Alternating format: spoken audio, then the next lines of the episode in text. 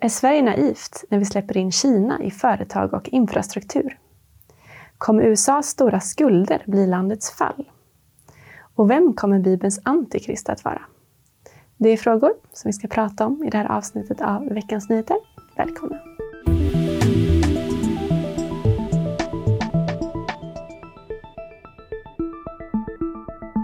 Varmt välkomna till det här avsnittet av Veckans Nyheter med mig Sara Andersson och bibelläraren och ledarskribenten Sven Almqvist. Tack för det. Ja, vi ska börja med att prata om hur sårbart Sverige är i mm. ljuset av digitalisering och utländskt ägande. I slutet av förra veckan rapporterade SVT att de nya elmätare som Vattenfall installerar i hundratusentals svenska hem är tillverkade av ett kinesiskt bolag med koppling till den kinesiska regimen. Mm. Och i tisdags kom det uppgifter om att Dalregementet, alltså militäranläggningen, kan komma att köpas upp av en Hongkong-kinesisk miljardär. Och det här är långt ifrån de enda exemplen av det här slaget. Förra året kom det uppgifter om att säkerhetskontrollerna på Arlanda skulle tas över av ett kinesiskt bolag med koppling till både den kinesiska regimen och den kinesiska militären.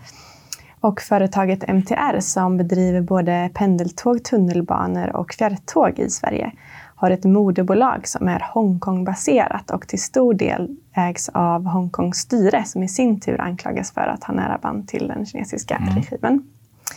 Totalt finns det över 1500 bolag i Sverige som helt eller delvis har kinesiskt ägande. Vad säger du om det här? Eh, ja, alltså det är ju utan tvekan så att Kina eh, och kinesiska bolag är duktiga på mycket av de här tekniska systemen och är också extremt konkurrenskraftiga ekonomiskt. De ligger ju, som jag förstått ganska, några 10, 20, 30 procent lägre än konkurrenter. Det är klart att det blir jätteintressant. För det, va? det är ju komplext självklart. Det är ju komplext va? eftersom mm. det finns ju den här misstänksamheten. Hur mycket information som ändå går vidare till källor i till exempel kinesiska myndigheter och så vidare. Men det är komplext. Ja, men vad säger du om att de ändå har ansvar för saker som har med säkerhet att göra, som då mm. säkerheten på Arlanda och att det kan komma att bli en hel militäranläggning med alla uppgifter som finns där? Jo, alltså det är klart att det, det, det är ju där någonstans det, det är orostecken för att, det, men det går så snabbt Sara. Eh, och jag tänker så här också när det gäller ägandeskapet, alltså vem är, who is who in the zoo? Det är inte lätt till slut att veta vem äger vem och vem vet vad om vem. Så, att, så att det blir bara svårare och svårare i den här världen som växer samman tekniskt, ekonomiskt mm. och ägandeskapsmässigt. Så, så att, så att jag, jag, jag, jag, tycker ju att det ska finnas en vaksamhet, absolut. Inte minst när det gäller den kinesiska regimen som man ju vet har en track record av att stjäla teknisk information, helt enkelt. Men alltså, eh, ska man helt förbjuda kinesiska företag att få verka i, i, i konkurrens, det är ju ganska drastiskt steg i så fall. Mm. Mm. I takt med att det utländska ägandet har blivit allt större i Sverige så har det också blivit allt mer digitaliserat. Mm. Butikskedjor kan inte sälja varor utan mm. sina IT-system. Bilar går inte att laga utan att man är mer eller mindre expert på datorer. Mm. Och allt fler hem har digitala lås och larm som sköts via app och så vidare. Mm. Samtidigt är det vissa flygplatser, mindre flygplatser i Sverige som inte längre har flygledning på plats utan det mm. sköts via en skärm från en annan plats mm. istället för via sådana här traditionella flygledartorn. Mm. Vad säger du om den här utvecklingen? Eh, ja, men det är som, som så mycket annat, va? det är två sidor på ett mynt. Eh, skälet till att den här digitaliseringen är så kraftfull är ju att den, den effektiviserar, den får synergieffekter, den minskar viss risk för mänskliga små fel. Alltså, det är ju fördel på fördel på fördel. Och de som inte går in i den här konkurrensen, till exempel AI som vi har pratat om förut, de tappar ju marknadsandelar. De andra företag kommer ju före. Så, mm, men tycker du inte att det är naivt av Sverige att exempelvis lägga ner riktiga flygskärmar och istället sitta någon helt annanstans och sköta flygtrafiken? Hur alltså, lätt är det inte för någon annan att ta över det och orsaka värsta flygolyckan? Ja, alltså, och naivt är det inte att låta Kina ta över en militäranläggning i en Det är bra att du ställer de frågorna, men poängen är, alltså, and, motsvaret på det, då får vi lägga ner flygplatsen. Alltså, det är ekonomiska aspekter. Alltså, alternativet är då lägger man ner den därför att det går Det har väl funkat tidigare att ha jo, en skärm på plats? Ja, så är det. Men nu har de ekonomiska aspekterna blivit så tajta att det funkar inte. Så att alternativet är att lägga ner. Och då dör ju många av de här små flygplatserna. Ja. Har du någon årsredovisning som visar det? Nej, men jag har eh, ändå en generell kunskap om att det så utvecklingen går. Va? Man gör ju inte sådana här saker för att det är roligt och det blir dyrt, utan man gör det för att det blir eh, det är kanske enda sättet att hålla den här flygplatsen up and running. Alltså det, så är det. Det är fel för att man vill vara i framkant? Jo, men det är väl inte fel att vara i framkant? Alltså, bakkant jo, om det blir en stor flygolycka kan man väl tycka att det är fel? Jo, men jag tror inte att säkerhetsaspekten tas slarvigt här. Utan jag tror säkert att flyg den mänskliga faktorn kan vara farligare än sådär. Men det, men det blir... Så du litar mer på tekniken än på ja, människor? Men jag säger det. Å ena sidan så finns det förbättringar med tekniken, men det blir ju i den stora frågan jättesvagt. Om allting slocknar, då slocknar ju den här flygplatsen. Det är klart det är väldigt olyckligt för den plan som just då kommer in, men, men sen är ju flygplatsen stängd. Va? Så att det blir en större risk i de stora frågorna, men i de små sakerna så är ju utvecklad teknik till fördel. Mm, det, det tror jag du sitter hellre på ett plan där det sköts via en skärm någonstans långt bort än att någon står och tittar på planet? Eh, jag flyger hellre flygplan som alla experter säger är säkrare än, äh, än annars så kan vi backa 50 år tillbaka också när vi kanske viftar med flaggor. Det funkar också. va? Så att jag menar, du får Nej, inte vara nu pratar vi inte om flygplanen, nu pratar Nej, om flygplatsen. Min, poäng, min poäng är att vi får inte vara teknikfientliga. Det tycker jag, det tror jag inte är en fördel faktiskt. Alltså, vi ska vara, vi, det finns fantastiskt bra teknik som utvecklas. Vi jo. måste vara med i den resan. Jo, men om det blir ett strömavbrott, är du inte glad att du har en riktig nyckel och inte en digital? Så kan det ju vara. Så på individnivå finns det skäl att resonera som du gör. Det tycker jag. Absolut, jag stöttar det hundraprocentigt. Låt oss som individer inte vara för naiva. Men eh, det, det, vi måste kunna hålla två bollar i luften samtidigt och det är svårt för många. Jo.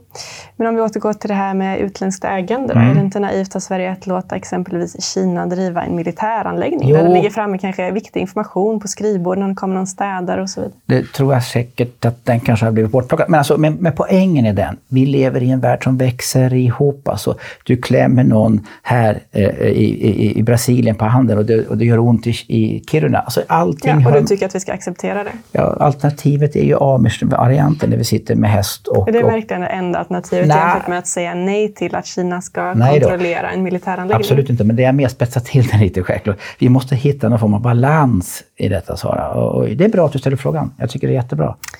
Ja, vi får mm. byta ämne. Ja, då... är du teknikfientlig, Sara? och då handlar vi kan ta bort den här mikrofonen kanske, ska vi se hur det går. Vi kan ha teckentydning till våra tittare. Mm. Och då handlar det om USAs gigantiska skulder. Ja. I slutet av förra veckan godkände senaten ett förslag om att slopa skuldtaket mm. till 2025. Det här var något som Demokraterna ville göra, men som många politiker, framförallt republikaner, motsatte sig. USA har haft skulder ända sedan landet bildades och i takt med att skulderna har vuxit har man också höjt skuldtaket vid mm. olika tillfällen.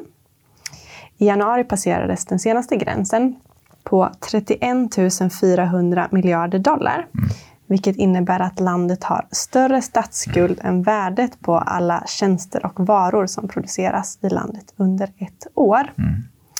Ifall skuldtaket inte hade slopats hade USA tvingats till drastiska nedskärningar. Mm. Men nu kan man alltså fortsätta spendera. Vad säger du om det här? Alltså, världens största ekonomi lever enkelt uttryckt på lånade pengar.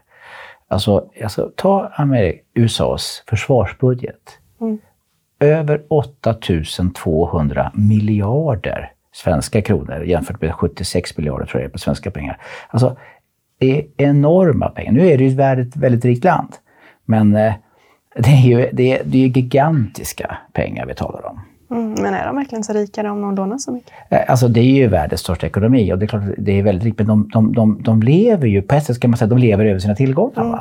Eh, och, och, det går liksom inte att om man inte höjer skuldtaket så får man, slutar man betala ut pensioner till, till pensionärerna till exempel. Mm. Eller får sluta betala eh, till försvarsutgifterna, vilket ju en aspekt skulle jag tycka var bra. Men alltså, det, det, det är katastrof. Och det är inte bara Demokraterna, så är det även Republikanerna gör ju samma sak. Mm. Så att säga, så att även om det kanske är fler inom det Demokratiska partiet, eh, Republikanerna vill ju minska så att säga, eh, det centrala regerings eller centrala maktens pengar och så vidare. Men alltså det är enorma pengar. Mm. Vad ska de göra då? Eh, ja, man kan ju börja med att eh, skära ner den enorma försvarsbudget som man har, tycker jag. Ju, och någonstans anpassa sin matsäck efter den verklighet som finns. Va? Mm. Mm. De största utländska långivarna till USA är så vitt jag förstår det Kina och Japan. Mm. Vad, vad, säger du om det? Det är de som äger statsskuldspapperna. Alltså ja, eh, det är ju så. Och det är ju i sig en, en, en, en ganska märklig... Kina är ju världens andra ekonomi, som ju alla forskare tror, många for, att de kommer att växa om USA som världens största ekonomi. Och den stora katastrofen för USAs räkning, det blir ju om dollarn inte, eh, US-dollar inte längre blir det betalmedel som används internationellt, utan yuan, alltså det, den kinesiska valutan. Då är amerikanerna den stora förlust, för, för, förloraren på det faktiskt. Kan jag säga. Och. Eh, så kineserna tänker långsiktigt. Amerikanerna tänker till nästa val. Det finns ingen regering, det finns ingen president som vinner ett val på nu ska vi skära ner våra utgifter. Då förlorar man ju valet. Så att det, det demokratiska kortsiktiga tänket är ju förödande på sikt. Mm. Vad händer om kineserna plötsligt börjar begära tillbaka de här pengarna istället för att låna ut mera? Ja, alltså man kanske inte förnyar och, de här lånen. De här, det, men man börjar kräva? Ja, men det, det, det är klart att skulle Kina och Japan dra sig bort ifrån att köpa de här enorma statsskuldspapperna eller obligationerna som ges ut, då, då blir det katastrof självklart. Men det finns ju kanske andra köpare. Men jag menar, Kina bygger en starkare och starkare ekonomi. Eh, USA blir svagare och svagare ekonomiskt. Mm. Men finns det en risk att det kollapsar helt och hållet för USA med tanke på att man lever på lånade pengar? Den största risken för USA, det är ju att hela landet delas. För det är så extremt polariserade eh, eh aktörer i USA idag, som av ideologiska skäl. Och, så det är ju kanske, ta till exempel Kalifornien, så jag tror det är världens sjunde största ekonomi. Eh, om de skulle gå vidare och säga vi vill inte vara med i den här förenade unionen längre, eller då, då, då börjar ju landet falla sönder. Mm. Och de flesta imperier har ju fallit sönder inifrån. Jag säger inte att det sker imorgon, men jag menar, eh, det amerikanska inflytandet har ju minskat i världen och fortsätter att minska. Mm. Ja, vi får se hur det går för mm. USA framöver. Vi brukar ju ha veckans tips nu, men jag tänkte att vi skulle skippa det mm. den här gången och ta lite fler böcker nästa gång när det är det sista programmet innan sommaren. Mm. Och vi ska istället gå in på veckans teologiska fråga.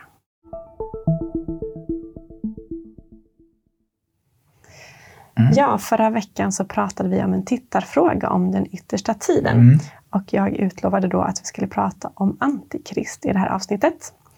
Du har kommit in på den frågan några gånger lite grann och mm. de flesta tittare kanske har någon uppfattning om vad det är, eller i alla fall att det nämns i Bibeln. Mm. Så vad säger du, vad är egentligen Antikrist? Bibeln är ju en, uppbo, en öppen bok som uppenbara saker som är fördolt för oss, vi kan ana, men det är uppenbara saker. Och den uppenbarar ju inte allt vi vill veta, den uppenbarar allt vi behöver veta. Och när det gäller det här begreppet antikrist, det är klart det finns många olika åsikter, men nu frågar du mig och det är jag som svarar. Tror jag att jag har rätt? Ja. Annars skulle jag sagt något annat. Men, nej, men det finns en komplexitet i det. Bibeln talar om att i det antikrist, antikrist, det är ju mot Kristus. Alltså tvärt emot då. Mm. Eh, om Kristus är det ljusa så är antikrist det mörka. Eh, där ju den nya världsordning som vi redan ser konturerna av och på väg in i, att det i slutändan också kommer att ledas av en person eh, som ju har benämningen Antikrist. Det namnet står i Bibeln, men det finns också andra beskrivningar av den personen. Jag tror alltså att det är en, mm. en människa. En människa helt enkelt. Eh, så, så eh, ja, ja, Bibeln talar om det. Vi vet vi mycket? Nej. Vet vi en del? Svar ja. Mm. Men just ordet, eller namnet antikrist, används ju bara i något av Johannes brev. Mm. I Uppenbarelseboken är det andra begrepp, så vilket är motsvarigheten i Uppenbarelseboken om Nej. tittarna ska förstå och läsa själva? Eh, ordet treenighet finns inte heller i Bibeln, även om begreppet finns. Så poängen är att sanningar kan ju finnas även om vi samman... Jo, men hur beskrivs den här karaktären i Uppenbarelseboken? Ja, det, beskriv... ja, men det beskrivs som ett vilddjur. Va? Och eh, det betyder ju att det är någon som har eh, onda avsikter och har ett beteende som inte är för människan, utan det är vilddjursmässigt. Det, det, det, det betal, talas också om att det är en fördärvarens son, till exempel. Man, vilket är ett uttryck för att han har en destruktiva sidor och så vidare. Men, eh, och att han också blir sårad eh, och att han får ett dödligt sår, men att han blir mirakulöst helad. Och det är ett sätt att skapa någon form av gudomlig känsla runt den här personen. Så det är, så långt jag förstår det, och många med mig, en extremt begåvad person. Eh, med en enorm förmåga att skapa ordning och reda initialt och kanske till och med fred. eh, mellan religioner, fred mellan olika politiska ideologier.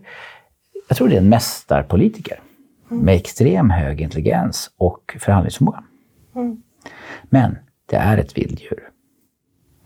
Mm. Tror du att det är en person som lever idag, som redan finns? Alltså, eh, det är inte omöjligt att han är det. Eh, eh, det ser ut att vara en han och det ser ut att vara en person som som är mer än begåvad. Alltså det är en övernaturlig begåvning. Det finns säkert en också mänsklig begåvning. Men det har vi varit inne lite på hur Bibeln beskriver det som att den onde själv, eller det vi kallar för Satan, ger honom makt. Mm. Eh, vilket gör att han får en enorm okult makt. Finns ju, vi tror ju på Guds makt, men det finns också en makt i det mörka. Mm. Eh, det där kan ju vara svårt att förstå för den som har en platt världsbild eller en to tom världsbild. Men vi som har en världsbild där det också finns andliga aspekter med änglar, mörka och goda änglar, vi kan ju se det. Att allt är inte bara psykologi, utan det finns också mörka krafter i rörelse. Mm. Och det här blir en personifiering av det. Va?